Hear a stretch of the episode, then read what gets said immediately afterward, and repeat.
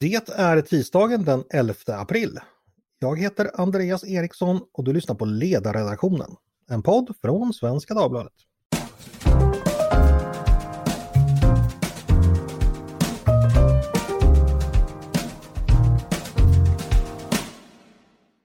Varmt välkomna till oss igen. Hoppas att ni har haft en jätteskön påsk.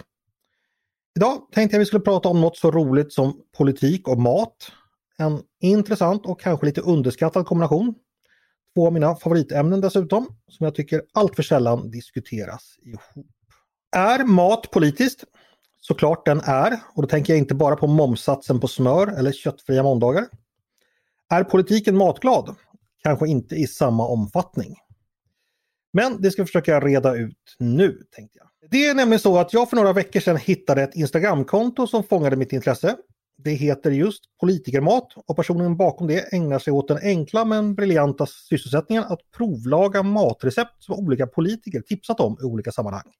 För att sedan smaka och betygsätta. Så det ska vi ägna dagens avsnitt åt, prata politikernas favoritrecept. Vad är det för typ av mat de eh, tipsar om?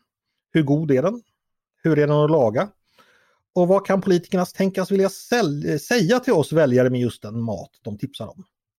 Med mig för att göra det har jag tre gäster, nämligen Klara Lovisa Lundström, den ena upphovspersonen bakom kontot Politikermat. Välkommen hit Klara Lovisa! Tusen tack! Och Laura Ingvarsson, den andra upphovspersonen. Välkommen du också Laura! Tack så mycket! Och så har vi med oss eh, måltidshistorikern Rickard Tellström, docent och tidigare bekant från tidigare poddar. Välkommen du också Rickard! Tack så mycket! Eh, Klara, eh, Lovisa och Laura, vem vill börja? Hur kom ni på den här briljanta idén måste jag säga, att ägna livet åt politikermat? Ja, det... Jag har ett stort ointresse för mat. Jag tycker att det är jättetråkigt att förbereda. Jag tycker att det är jättetråkigt att laga. Jag tycker att det är jättetråkigt att äta. Eh, när jag just hade flyttat hemifrån tyckte jag att det här var så himla tråkigt att jag svimmade mm. för att jag bara åt eh, potatissoppan som jag hade lärt mig göra i högstadiet. Eh, så jag tänkte väl att det var dags att börja äta på riktigt för jag var ganska dålig på det.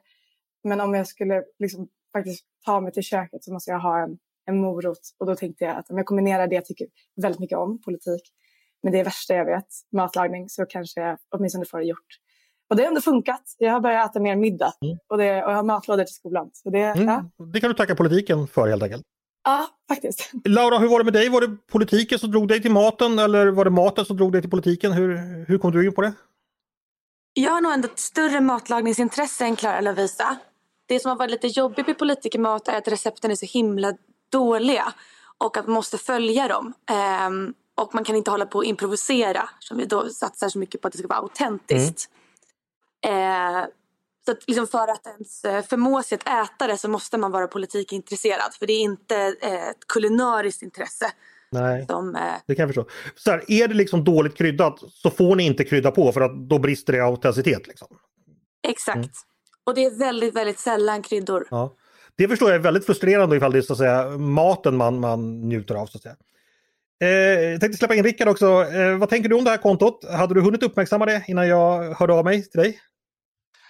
Det hade jag inte, men det här är ett ämne som ligger mig mycket varmt om hjärtat eh, och det är helt enkelt matkulturens politiska laddning genom historien. Och att eh, det också är ett lite bortglömt område det här i matkulturen, att den är just politiskt laddad.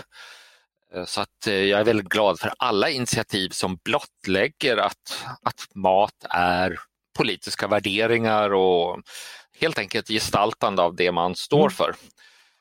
Vi ska, vi ska återkomma till det där, den här kopplingen. Jag tänkte bara fråga, Rickard, har du testat någon politikers recept någon gång tidigare bara för att du såg, oj den där såg god ut, det vill jag testa?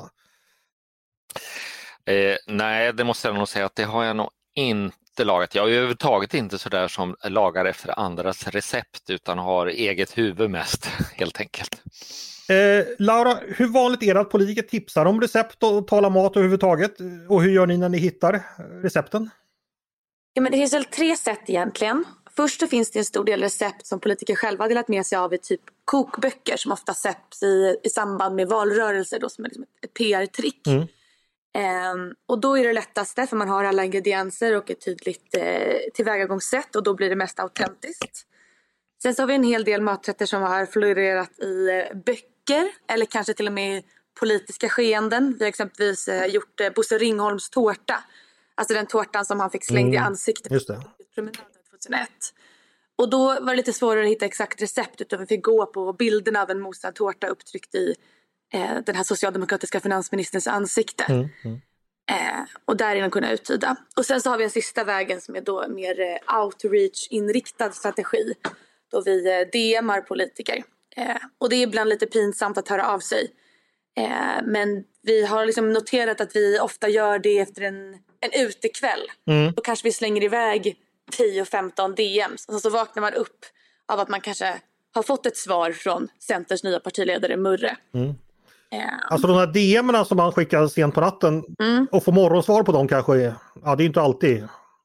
Men... Ändå förvånansvärt ofta. Mm. Eh. Jo, nej men jag tänkte man, man, känner, man känner sig lite skamsen efteråt vad efter liksom, de förfrågningar man har gjort men, men det kanske är okej när det gäller det här. Liksom. Ja, också lite när det är ett anonymt konto. Ja, eh, precis. Till viss del. Men mer mod. Hej, jag Ryan Reynolds. At Mint Mobile, we like to do the opposite of what Big Wireless does. They charge you a lot, we charge you a little. So naturally, when they announced they'd be raising their prices due to inflation, we decided to deflate our prices due to not hating you. That's right. We're cutting the price of Mint Unlimited from $30 a month to just $15 a month. Give it a try at mintmobile.com slash switch. $45 upfront for three months plus taxes and fees. Promote for new customers for limited time. Unlimited more than 40 gigabytes per month. Slows. Full terms at mintmobile.com. Klara Lovisa, jag, eh, rent generellt, alltså i vilka sammanhang, ja nu, hörde vi att det är i samband med valrörelser, finns det några andra, finns det liksom något mönster med vilka politiker är det som tipsar om mat? Är det en speciell sorts politiker eller är det en speciell sorts sammanhang? Är det en speciell sorts mysiga politiker? Har ni kunnat se något sådana mönster? Jag tycker vi ändå se en trend, eller Moderaterna har varit väldigt duktiga på att dela med sig av sina recept och de har sett många kokböcker. Och det här gjorde de väl när eh, Per Schlingman var, eller jobbade med Nya Moderaterna, så jag tror att han hade ett finger med i spelet. Eh, jag tycker att det var ganska svårt att hitta socialdemokratiska recept, alltså i förhållande till hur stora de är.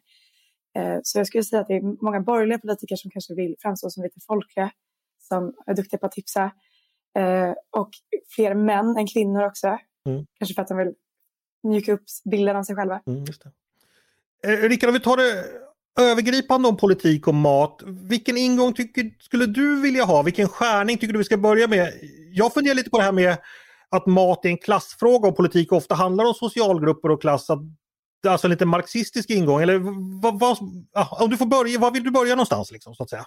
Ja, man skulle absolut kunna gå in från det marxistiskt analytiska perspektivet. Eh, kanske skulle man faktiskt kunna gå lite längre tillbaks för att förstå varför politiker överhuvudtaget ägnar sig åt det här med mat. Och det handlar ju om att politisk representation, när kungar, prinsar, eh, furstebiskopar och så vidare har träffats genom historien så har man också gjort det tillsammans med måltider. Alltså man förhandlar och sen så har man måltider. Eh, och det är därför då måltiderna måste ha ett visst utseende och man kan inte så att säga tillaga vad som helst utan det måste vara en viss status och urvalet av råvaror och maträtter är en grannlaga uppgift. Så det finns en lång historia, jag skulle nog säga att vi har politiska måltider ett par tusen år tillbaks i tiden där politiska ledare eh, och förhandlare och militärer har träffats och de har ätit. Mm. Eh, det som är nytt eh, kanske i vår tid, det handlar ju just om den här profileringen och de här exemplen som nämndes med Bosse Ringholms tårta och kokböcker från politiker, men då är vi framme i det postmoderna 90-talet och 2000-talet, alltså de senaste 30 åren. Men eh, som genre är den politiska maten, eh, jag skulle säga att den är nog eh, 10 000 år tillbaks i tiden. Liksom vi är tillbaka nere i Mellanöstern, Babylonien och och så vidare. Ja precis, man ser ju framför sig då romerska senatorer och kejsar och sådär som ligger till bords och imponerar på varandra eller uh, försöker bilda allianser med mat eller vikingahövdingar som skålar i det heliga ölet och så vidare. Alltså det finns ju massor med associationer man kan göra Absolut. där. Men hörni, vi ska prata mer om det snart. Jag tänkte vi ska gå in på själva matlagningen först. Och då tycker jag vi börjar där Klara Lovisa och Laura, ers konto också börjar. Där nästan all diskussion om mat och politik måste börja tänker jag. Och det är med Fredrik Reinfeldts korvgryta. Eh, Klara Lovisa, berätta om det. Var det självklart att börja där? Ja, men det var det ändå. Den, man har ju hört mycket om den. Mm, verkligen. den är ju omtalad och Moderaterna ogillar inte direkt att använda den. Eller Per Schlingmann har ju inte ogillat att använda den i byggandet av Fredrik Reinfeldts karaktär.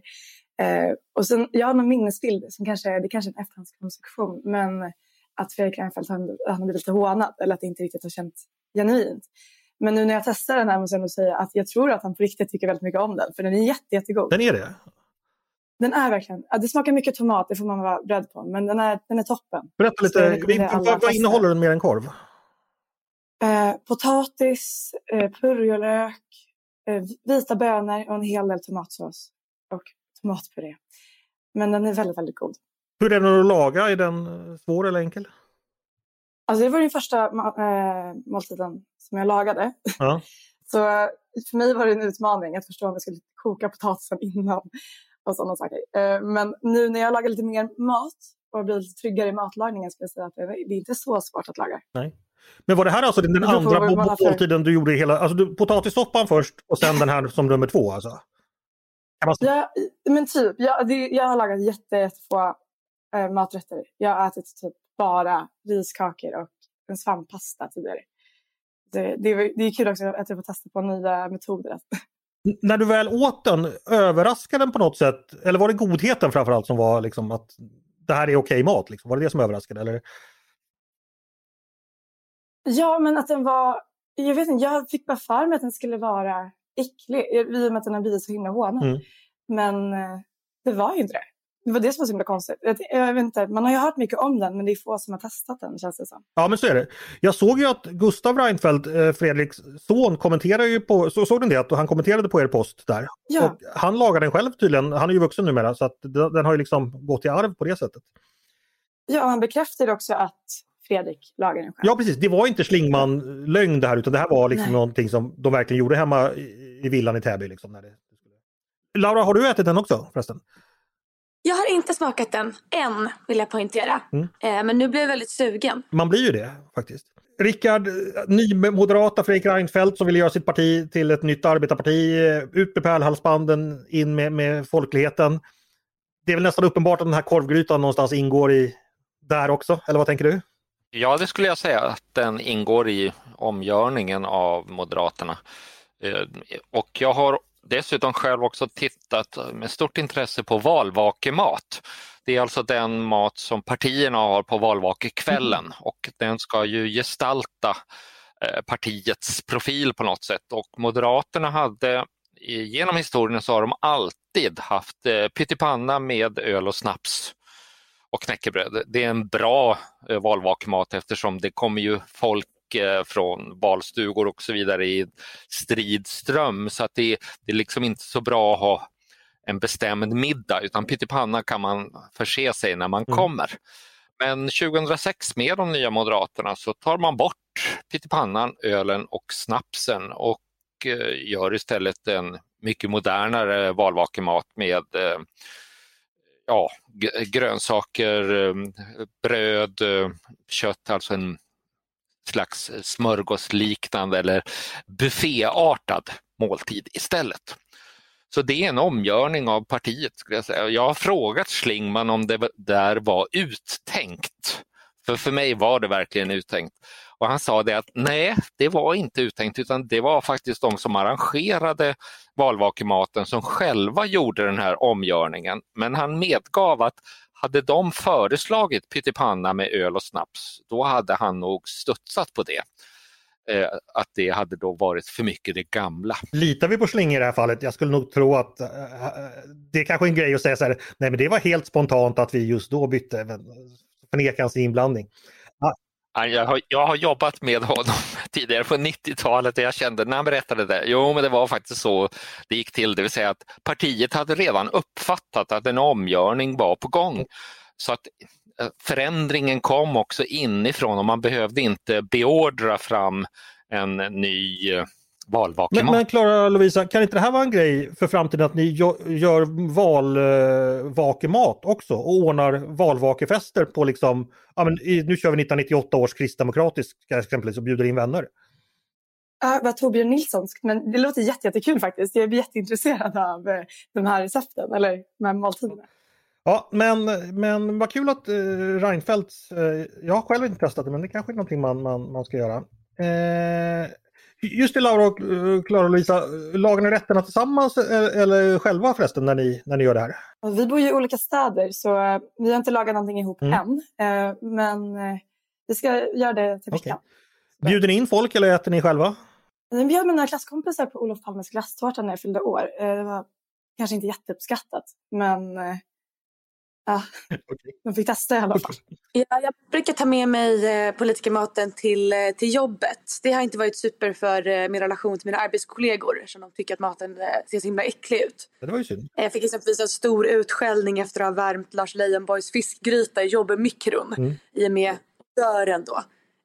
Det pratas fortfarande om hur den hade spridit sig genom lokalen och hur jag aldrig någonsin skulle vara tillåten att ta med mig en, eh, en fiskgryta igen. Men var inte just Lars Leijonborgs ganska förfärlig? Den fick väl rätt lågt betyg av er också? Ja, eh, det var ju problemet att den bestod till stor del av mjölk, ja. gräslök och tomato. Och just kombinationen mjölk och fisk, jag vet inte. Eh, den skar sig något otroligt. Mm. Precis, eh, jag reagerade också på det. Att den, den, den, jag skulle nog haft kanske grädde eller något sånt där. Men vi ska vidare till mm. nästa recept och då är det vår nuvarande statsministers bidrag eh, Gong Bao eh, som Ulf Kristersson då eh, har rekommenderat. Klassisk kinesisk-amerikansk takeout eh, men det finns så här också en kinesisk förlaga. Laura, hur eh, var den att laga? Det var också en av de första rätterna som vi lagade och eh, den var faktiskt ganska lätt. Det som förvånade mig en aning med receptet var ju att det, det kanske inte var så, liksom, så autentiskt jag kanske hade högre förväntningar på det i och med Ulf Kristerssons eh, ändå något nära relationer med den kinesiska kulturen. Mm. Eh, men den eh, hade ganska simpla smaker. Det var mest vitlök och ingefära. Eh, det saknades eh, exempelvis sichuanpeppar och ostronsås och sesamolja. Eh, men god. Mer än så kan jag inte säga. Den var god. Nej, för jag tyckte att på bilderna den såg, när jag gör gong bao som är rätt jag tycker mycket om, då är den liksom det här var väldigt såsigt såg det ut som. Var det mycket vätska i liksom generellt? Jag, försöker, jag har ju massa så här eh, majsena i och försöker koka upp såsen så den blir jätteklibbig och fastnar på allting. Men det här såg, hur, hur blött var det helt enkelt? Ja, det var ju eh, delvis då jag glömde att köpa ris till så jag åt bara Gongbaoen. Men det kändes också väldigt autentiskt att, att Ulf Kristersson inte skulle äta de, de snabba kolhydraterna. Så jag tyckte det funkade ändå. Men, men var det inte konstigt att det saknades Sichuanpeppar? För det är väl en Sichuanrätt i sin ursprungliga version? Jo, men det tycker, jag, det tycker jag också.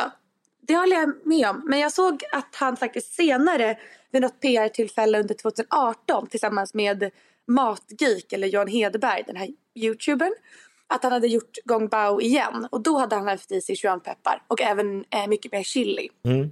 Så den har utvecklats under åren. Ja, eller så insåg han sitt, sitt misstag där.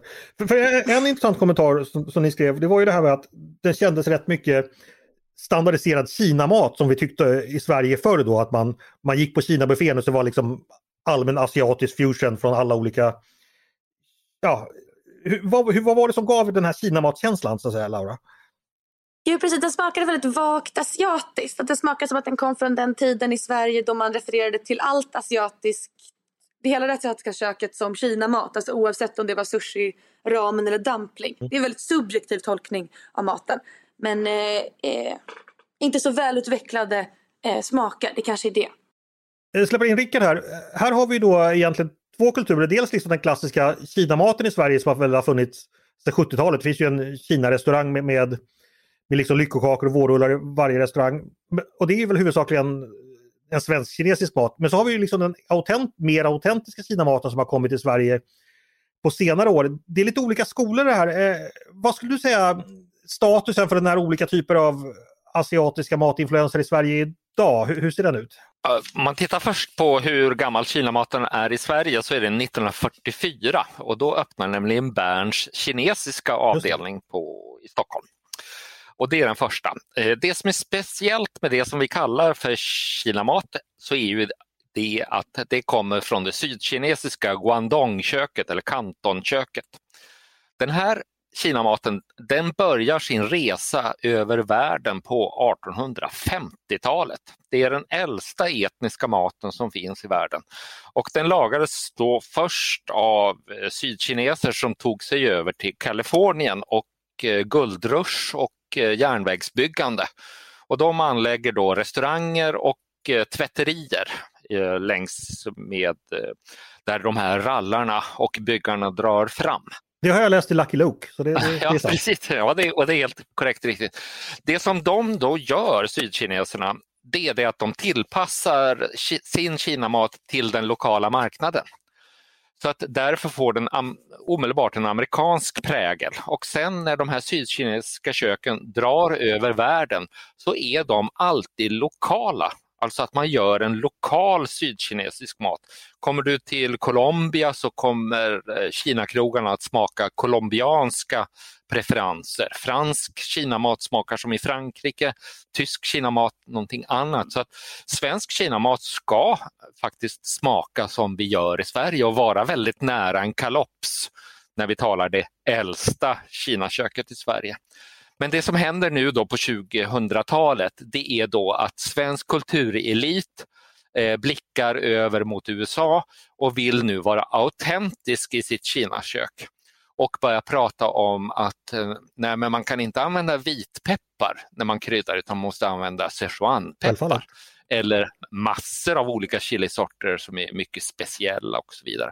Så att vi har fått alltså en det som händer med matkultur hela tiden och det är att kultureliten profilerar sig mer och så fort medelklassen börjar laga en kinesisk Sichuan-rätt så måste kultureliten avancera framåt. Så att de, annars är de ingen kulturelit eller politisk elit heller.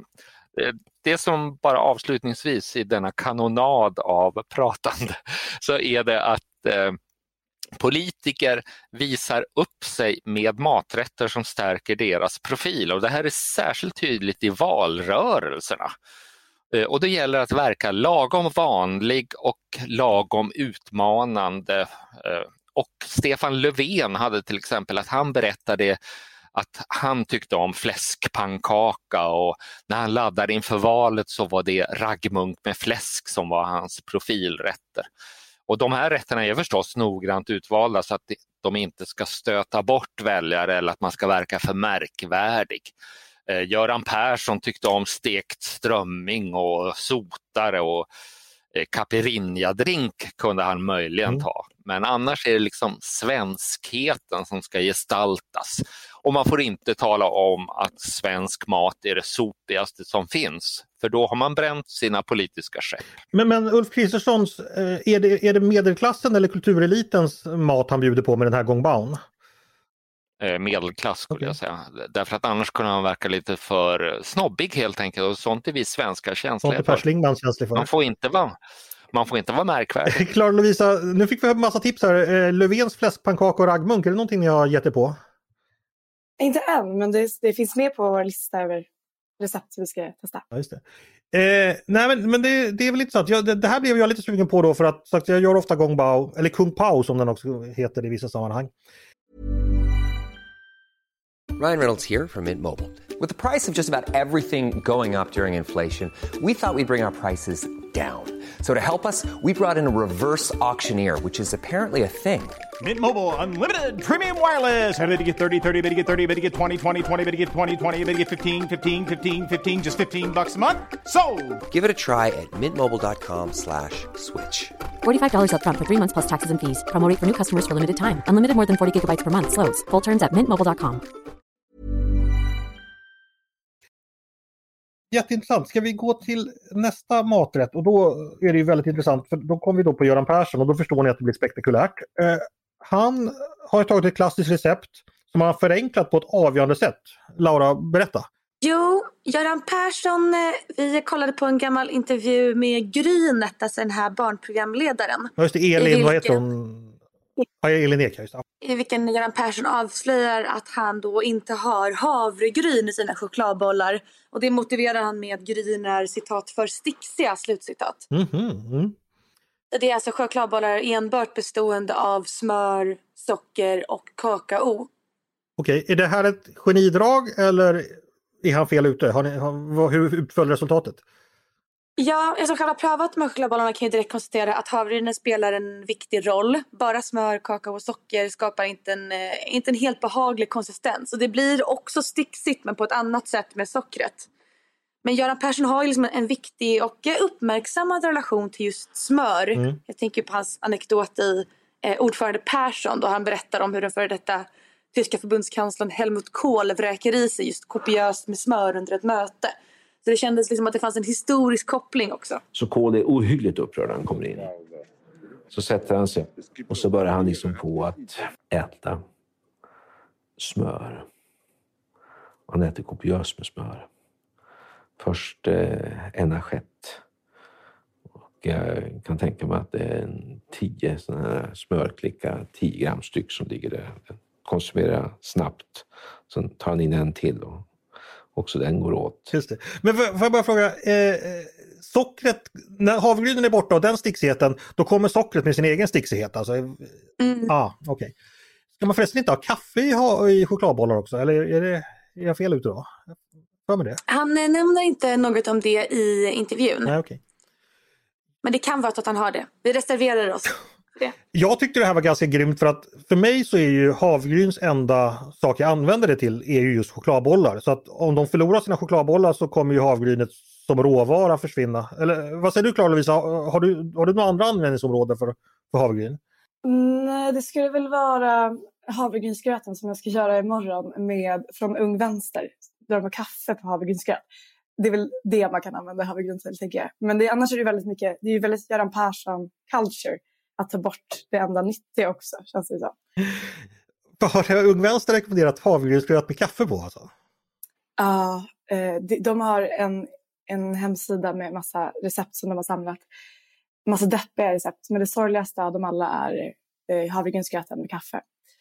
Får jag fråga dig en sak, eh, Klara Lovisa? Det lät ju rätt, liksom Vänsterpartiet, eh, att leva i ett kapitalistiskt samhälle när man är vänster är deppigt, så jag kan förstå att recepten av, avspeglas. Har ni sett något annat i det? Liksom att känns sosserecepten sossiga? Känns eh, moderatrecepten moderatiga? Om man bara talar generellt, har, har du upplevt något sånt? Ja, men det tycker jag ändå att det såklart är eh, Miljöpartiets eh, recept. De är, det är ekologiska råvaror och att när Göran Persson pratade om det gröna folkhemmet så eh, tipsade han om en vegetarisk rossalslasagne. Mm. Att det, det, följer liksom de politiska projekten. Eh, sen har det väl mycket att göra med tid också och kanske inte parti. Att det säger mycket om en viss politisk era. Mm, Eh, släppa in Rickard här också. Hur, hur, hur, mycket, hur olika äter olika grupper i Sverige idag? Skulle man kunna tänka sig rent av att väljare till olika partier helt enkelt äter olika? Vet vi någonting om det? Eh, jo, men det gör de faktiskt. Eh, ibland så har jag förmånen att få vara med när man gör matstudier och frågar folk vad de äter för någonting, alltså högst vardagliga saker i mat och dryck och bröd och allting sånt. Och då brukar jag försöka peta med frågan, vad skulle du rösta på om det var val idag?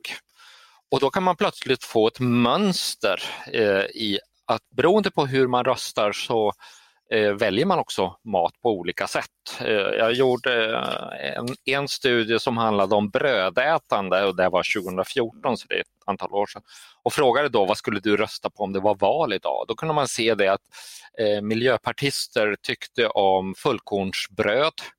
Eh, knäckebröd gillades mest av socialdemokratiska väljare och alla partibekännelser gillade att klämma på brödet i bröddisken. Så det var lika för mm. alla. Men det är bra att peta med den där frågan helt enkelt när man frågar om mat just för att se att ja, men vi har faktiskt stora skillnader och jag tror det är viktigt för oss som individer också att manifestera vad vi tror på genom vår tallrik. Det vill säga att man kan inte äta det man inte ställer upp på och då är vi ju inne på politikområdet. Så att jag skulle säga att vi alla äter i enlighet med vår politiska uppfattning. Och då blir det ju då med eh, miljöpartister till exempel, vilket jag har sett då på, i deras valvakemat, så finns det i allmänhet inget kött alls. Eh, det är helt borta, utan det är rent vegetabiliskt. Eh, och det är förstås att det passar ihop med partiets profil. Jag vill bara lägga till en kort sak med Göran Persson som jag tycker var lite skojig. Och det var att han, eh, när han var minister så hade han eh, besök av, jag tror det var Europaparlamentets talman och hon blev inte mött ute på Arlanda på rätt politisk nivå utan av för låg eh, nivå och det här gjorde henne eh, riktigt gramse. Så att när Göran Persson kom ner sen till Europaparlamentet så då bjöd hon på den här middagen som hon skulle bjuda honom på så serverade hon som förrätt gåslever. Och det var ju fullständigt omöjligt för Göran Persson med att sitta och peta i sig gåslever när vi hade debatt om djurvälfärd ah. och liknande. Så då var han tvungen att peta bort den. Så då fick hon sin hämnd på. Hon, hon visste det liksom att eh, ger jag honom gåslever så är det en, en liten örfil helt enkelt. Ja, Göran Persson hade talat mycket i media i början på 2000-talet att han hade svårt att äta sylta på julbordet. Han, han valde ut det för att manifestera sin djurvänlighet. Så att säga. Okay. Eh, jag tänkte plocka upp det här du säger att eh, vi äter det, det vi tycker och sådär. Eh, Klara Lovisa, jag tänker absolut inte fråga dig var du står politiskt, men, men är det så för dig, alltså den här potatissoppan du åt, manifesterade den dina politiska åsikter på något sätt? Uh, den manifesterar väl typ att jag hade HK i högstadiet. Alltså, det okay. säger ingenting annat om Nej. det. Uh, Laura, du bra? Äter du som du tycker, upplever du? Ja, eventuellt. Jag tycker väldigt mycket om det asiatiska köket och lagar när jag inte behöver eh, göra någonting, något vidrigt politikerrecept så gör jag nästan alltid asiatisk mat. Mm. Så jag har även efterfrågat, eh, eh, kontaktat politiker och specifikt bett om asiatiska recept. Som jag exempelvis fick då eh, miljöpartisten Lorentz Tovatt. Ja, just det. Och, och, det var ett väldigt ofolkligt recept, var det inte det? Mm, men det var för att jag aktivt, eh, jag bad honom uttryckligen om något ofolkligt och gott. Men du säger ett riktigt eh, elitistiskt Södermalmsrecept liksom, eller? Precis. Eh, och han var väldigt generös och eh, även mötte upp mig och eh, hjälpte mig handla alla råvaror pekade ut rätt produkter. Och vad, vad blev det då? På Södermalm. Det blev baus, såna här ångade risbröd med marinerad tofu och sen picklad lök och kimchi och lite annat. Gud, så gott. Väldigt gott. Ja, det låter verkligen jättegott. Eh, då hör ni, Lorentz Tavat kan ni lita på. Eh, ett annat recept, nu vet jag inte vem av det som gjorde det, men som jag är nyfiken på, det var ju Reka Tolnai, alltså den här avgående SUF-ordföranden. Hon hade någon fruktsoppa, vem var det som, var det som hade lagat den? Det var jag. Ja. Jag åt resten av det igår eh, natt. Ber berätta, eh, hur, hur, vad var det för någonting? Ja, det är en ungersk fruktsoppa. Jag har ätit en sån en gång tidigare när min ungerska vän lagade det. Som faktiskt var väldigt god. Det är eh, konserverade persikor, eh, lite äpple, bigarroer och annan valfri frukt. Och sen lite kryddor, eh, kanel och ja, några andra, jag kommer inte ihåg exakt. Och sen med gräddfil i. Mm. Det blir liksom som en fruktsoppa som serveras kall. Eh, och den är inte så söt eh, så den passar både som dessert men också som mellanmål skulle jag säga. Ett annat mellanmål som intresserar mig, det var någon moderat, nu har jag glömt hans namn, men han åt någonting som bara var någon röra av något slag. Vem var det? Vad var det för någonting? Mm. Det var Oliver Rosengren, moderat riksdagsledamot. Ja. Eh, Rosengren är ju känd för att försöka effektivisera sitt liv så mycket som möjligt. Okay. Och han hade då gjort en, eh, en gröt i princip, eller eh, som eh, den bestod av havregryn och choklad, mjölk och sen kvarg på. Okay. Och det var ju faktiskt oätligt. Eh, Men vad var det här? Var det liksom en efterrätt eller var det lunchmat? Eller? Nej, nej, det var eh, lunch och frukost som man ätit, eh, äter varje dag och har gjort det de senaste åren. För att vara effektiv? Exakt, så han kan göra andra saker i politiken. Det låter ganska förfärligt. Eh, ytterligare rätt, just det. Sanna Marin, hon, hon hade tipsat om någonting som heter Feta Piracca. Eh, vad var det för någonting? Det var en fetaostpaj. Jag har den faktiskt eh, här i köket bredvid mig. Resten av den, den blev så stor. Okay. Det är vanlig fetaostpaj som hon eh, rekommenderade på sin eh, story 2021. Och det har liksom florerat flera politiska recept i Finland.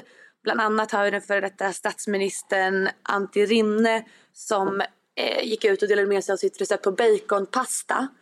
Och det visade sig att den här baconpastan innehöll, receptet totalt innehöll 10 000 kalorier. Mm.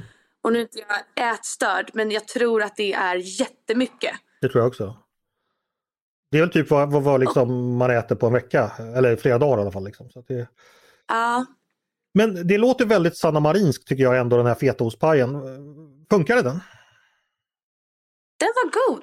Det var en helt vanlig ordinär fetaostpaj. Hon passade på i videon då hon lagade den att eh, poängtera hur hon bara har tid att laga mat på sin fritid. Och det tror jag är ganska symptomatiskt för många kvinnliga politiker. Att man måste, att det finns en, en känslig relation där. Man vill vara på ett sätt kvinna men absolut inte för mycket kvinna som politiker. Man måste balansera det. Mm. Eh, Rika, vad tror du, finns det några recept en politiker skulle göra bort sig med ifall hen tipsade om? Finns det liksom no-go-zoner här dit man inte vill gå? Den är ju politiskt eh, påverkad. Eh, att eh, man kanske ska hålla ifrån sig utländskt kött. Man ska betona hur bra det är med svenskt mm. kött. Eller inte prata om kött alls utan prata om vegetabilier. Också hålla sig borta från det som är för snobbigt och för märkvärdigt. Om man inte kan krydda det med en historia till exempel att jag åt den här när jag träffade Martin Luther King och Gandhi. Mm. Och då som, kan man, som man, som, som man gör liksom. ja, som man gör ibland. Eh, då, så då kan man möjligen motivera det. Men annars eh, skulle jag säga att det är politisk propaganda det här, så det är ett grannlaga arbete att välja ut rätterna. Jag tror inte att de representerar eh, mat i sig, utan just att de ska profilera politikern, profilera politikerns politik och eh, visa någon slags sympatisk sida. Jag tror inte det är någon som lyfter fram sitt matmissbruk. Eh, man lyfter inte fram att man eh, häller i sig jättemycket mängder alkohol, att man drogar sig och så vidare därför att det kan bli belastande. Alltså det som kan bli poängen och kvintessensen av detta det är det att mat och dryck är alltid laddat med värderingar. De är politiska värderingar, kulturella värderingar, eh, ideologiska, religiösa och så vidare. Men mat är aldrig bara mat. Nej, precis. Och det här halvkilot pasta med bara smör och aromat, det kanske man inte drar fram då som favoriträtt. E-, eller ålamackan liksom heller. Eh, Nej, inte ålamackan. Men det har vi noterat mycket med kött.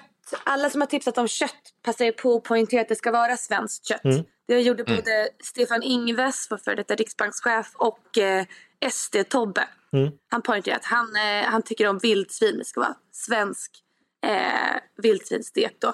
Kanske som han själv har skjutit också. Mm. Ja precis, ja, är man själv... ja, är det några som tar upp det här med att eh, lingonen ska vara självplockade eller gäddan ska man ha fiskat själv? Eller hur, har ni sett några sådana exempel i övrigt? För det kan jag tänka mig lite status också att liksom ha tid att gå ut i skogen och plocka sina egna lingon. Gud, inte vad jag kommer på faktiskt. Jag tror att de är ganska schyssta med att man kan köpa det i butik. Ja, ja men för sig, för mm. i och med att mm. väljarna inte själv har, har tid med det. Kanske. Nu nämnde det SD, här finns en väldigt intressant aspekt. Har ni testat, eller har ni funderat på att testa Björn Söders sillamacka? Uh, berätta mer. Ja, men det var ju så att, det är en fantastisk sak. Björn Söder var på någon sorts gatufestival i Skåne, där, för då, han har skildrat det här väldigt dramatiskt och han går där och det är bara kebab och det är falafel och det är liksom utländskt elände och langos och han går nästan och gråter på den här för att hans förlorade hembygd. Men så helt plötsligt, likt en liksom oas i öknen, så dyker det upp ett stånd som kränger äkta skånska sillamackor och han liksom springer dit och får sin sillamacka. Det är liksom en fullkomligt patetisk historia då han finner sin sillamacka. Ni har inte hört det här alltså? Nej. Nej. Men, men vi tar anteckningar. Ja, gör det. För att jag undrar den här, jag vet inte vad sillamacka är för jag har, brukar inte ha sill på mackor men uppenbarligen betyder det någonting väldigt starkt empatiskt för, för Björn Men det är någon slags festivalmat då eller? Ja, jag vet inte, ja men kanske och, och, åk till liksom Kivik. Rickard, vet du vad sillamacka är för någonting? Är det smörrebröd eller? Nej, men jag skulle säga att man kan nog tänka sig ett smörrebröd ungefär som vi tänker oss en ansjovis-smörgås med eh, ägg eller liknande och på mm. kavring eller något mörkt bröd. Så att, eh, jo, men det skulle det nog kunna vara. Okej. Okay. Eh, men hur, Klara Lovisa, hur har du reflekterat? Vad tror du politikerna vill säga med sin mat? Nu har ju Rickard varit inne på det lite, men, men vill, de, vill de skryta eller vill de ställa sig in hos oss? Eller, ja, har du nog fått någon känsla för det? De, jag tror att de vill visa att de är som vi andra. Att de vill framställa sig själva som folkliga men också visa att de också är människor. Eh, att de också liksom kommer hem efter jobbet och lagar mat till familjen och att då är det inget, inget lyxigt utan man lagar någonting som hela familjen kan äta. Eh, sen tycker jag väl också att det, det känns som att kvinnor är lite mer ängsliga med vad de delar för recept och hur man liksom pratar om mat och hur man äter publikt i, under valrörelser. Att man, typ, Johan Persson, att han kunde äta hur mycket korv som helst under valrörelsen men det gjorde inte typ Nooshi Dadgostar. Mm. Så att män kanske också vill visa att de är för dem blir ett sätt att framställa sig som lite skön. De kan använda mat på det sättet. Laura, vad är dina reflektioner kring detta? Ja, jag håller väl med där att eh, man vill framhålla att man också är en människa med biologiska funktioner. Man känner hunger. Eh, och ibland tycker jag ibland att det kan bli ja, men en aning koketterande att man kanske säger så. Äh, jag äter bara färdiga köttbullar för att man vill eh, visa att man har eh, man spenderar all sin vakna tid åt eh, jobbet, åt politiken. Mm. Man kan visa liksom sitt stora engagemang för sitt politiska projekt genom att eh, bara äta helfabrikat. Men det är ju intressant. Vad säger du om det Rickard, att man visar att mat är inte så viktigt för mig, för mig i politiken. Eller jag, jag offrar mitt, mitt, mitt matlagning för politikens skull. Det är också en signal. Ja, absolut, det här är folkhemmet eh, och makarna Myrdals eh, projekt och det är just att Maten ska inte ta lång tid, helst ska den vara industritillagad om man beställer upp den i en mathiss. Kvinnor ska gå ut i yrkeslivet och inte stå och laga mat. Det, utan, och det här blir ju under 1950 och 60-talet nästan ett mantra att eh, använda konserver som genvägar, pulver, eh, produkter som genvägar eh, och inte gestalta sin politik med matlagande för det, det är att blicka bakåt. Och idag kan man väl säga att alla politiska partier i Sverige delar folkhemmets välfärdsidé så att alla partier tycker det är bra att vi inte lagar mat utan det ska gå fort och kvickt och matlagning är något belastande och tråkigt som mänskligheten ska ja, befrias ifrån så snart det bara går. Det vore...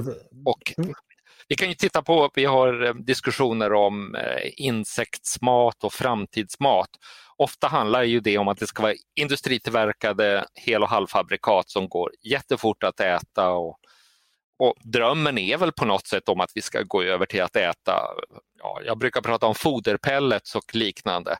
Men när man frågar sen människor vad de vill ha för någonting, ja men då är det lite räkor och gärna en halv hummer och lite sparris och hollandaise mm. och så, så, där. Så det är en politisk retorik. Jag skulle placera den bland eh, de orden helt enkelt. Jag tror exempelvis att Oliver Rosengren, han som hade gjort den här gröten med kvarg, han skulle mm. med stor glädje bara äta pellets. Mm.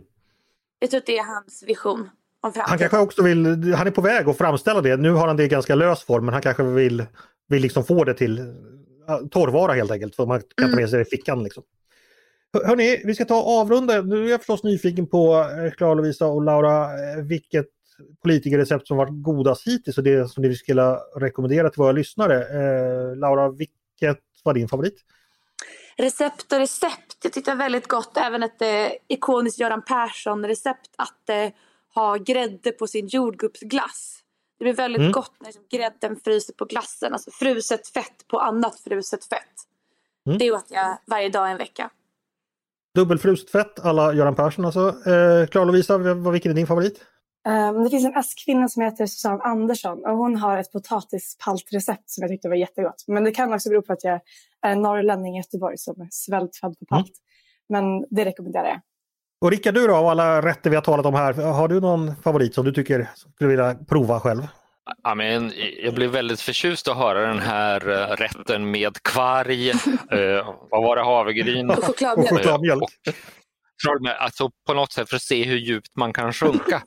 Uh, och om det, om det ens kan klassificeras som en maträtt eller om det bara är enskilda råvaror. För mig låter den lite grann som sån här träningsmat nästan, alltså att den ska vara proteinrik eller någonting sånt. Men ja jag är ju matkulturforskare så att jag behöver ju åka ner i det djupaste träsket ibland och uppleva det minst smakliga. Jag vet inte om det finns så mycket kultur nere där. Jag tror att det är inte matlagning utan produktion av lösa pellets kanske.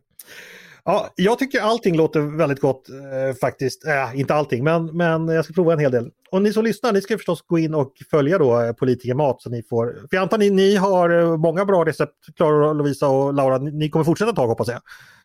Gud, vi har många recept kvar. Ja. Och om man rent av är politiker som, som känner att man vill dela med sig av ett recept, kan man höra av sig till er då också? Gud, Självklart med stor glädje. Ja, får vi se. Vi är ju en moderattidning så det är kanske moder massa moderater som hör av sig med sina egna eh, pelletsrecept. Hörni, eh, stort tack för att ni ville komma och prata med mig idag. Tack till politikerkockarna Laura Ingmarsson och Klara Lovisa Lundström. Och till måltidshistorikern Rickard Tellström. Tack alla tre! Tack så mycket. Tack så ha. Och tack till er som har lyssnat också. Jag hoppas ni blev riktigt sugna på att laga egen politikermat. Ni som har lyssnat på Ledarredaktionen, en podd från Svenska Dagbladet. Ni är varmt välkomna att höra av er till redaktionen med tankar och synpunkter på det vi precis har diskuterat. Eller era egna favoritrecept rent av. Ni får också höra av er om ni har idéer och förslag på det vi ska ta upp i framtiden. Då är det bara att mejla till ledarsidan snabla svd.se. Dagens producent, han heter Jesper Sandström. Själv heter jag Andreas Eriksson och jag hoppas att vi hörs snart igen.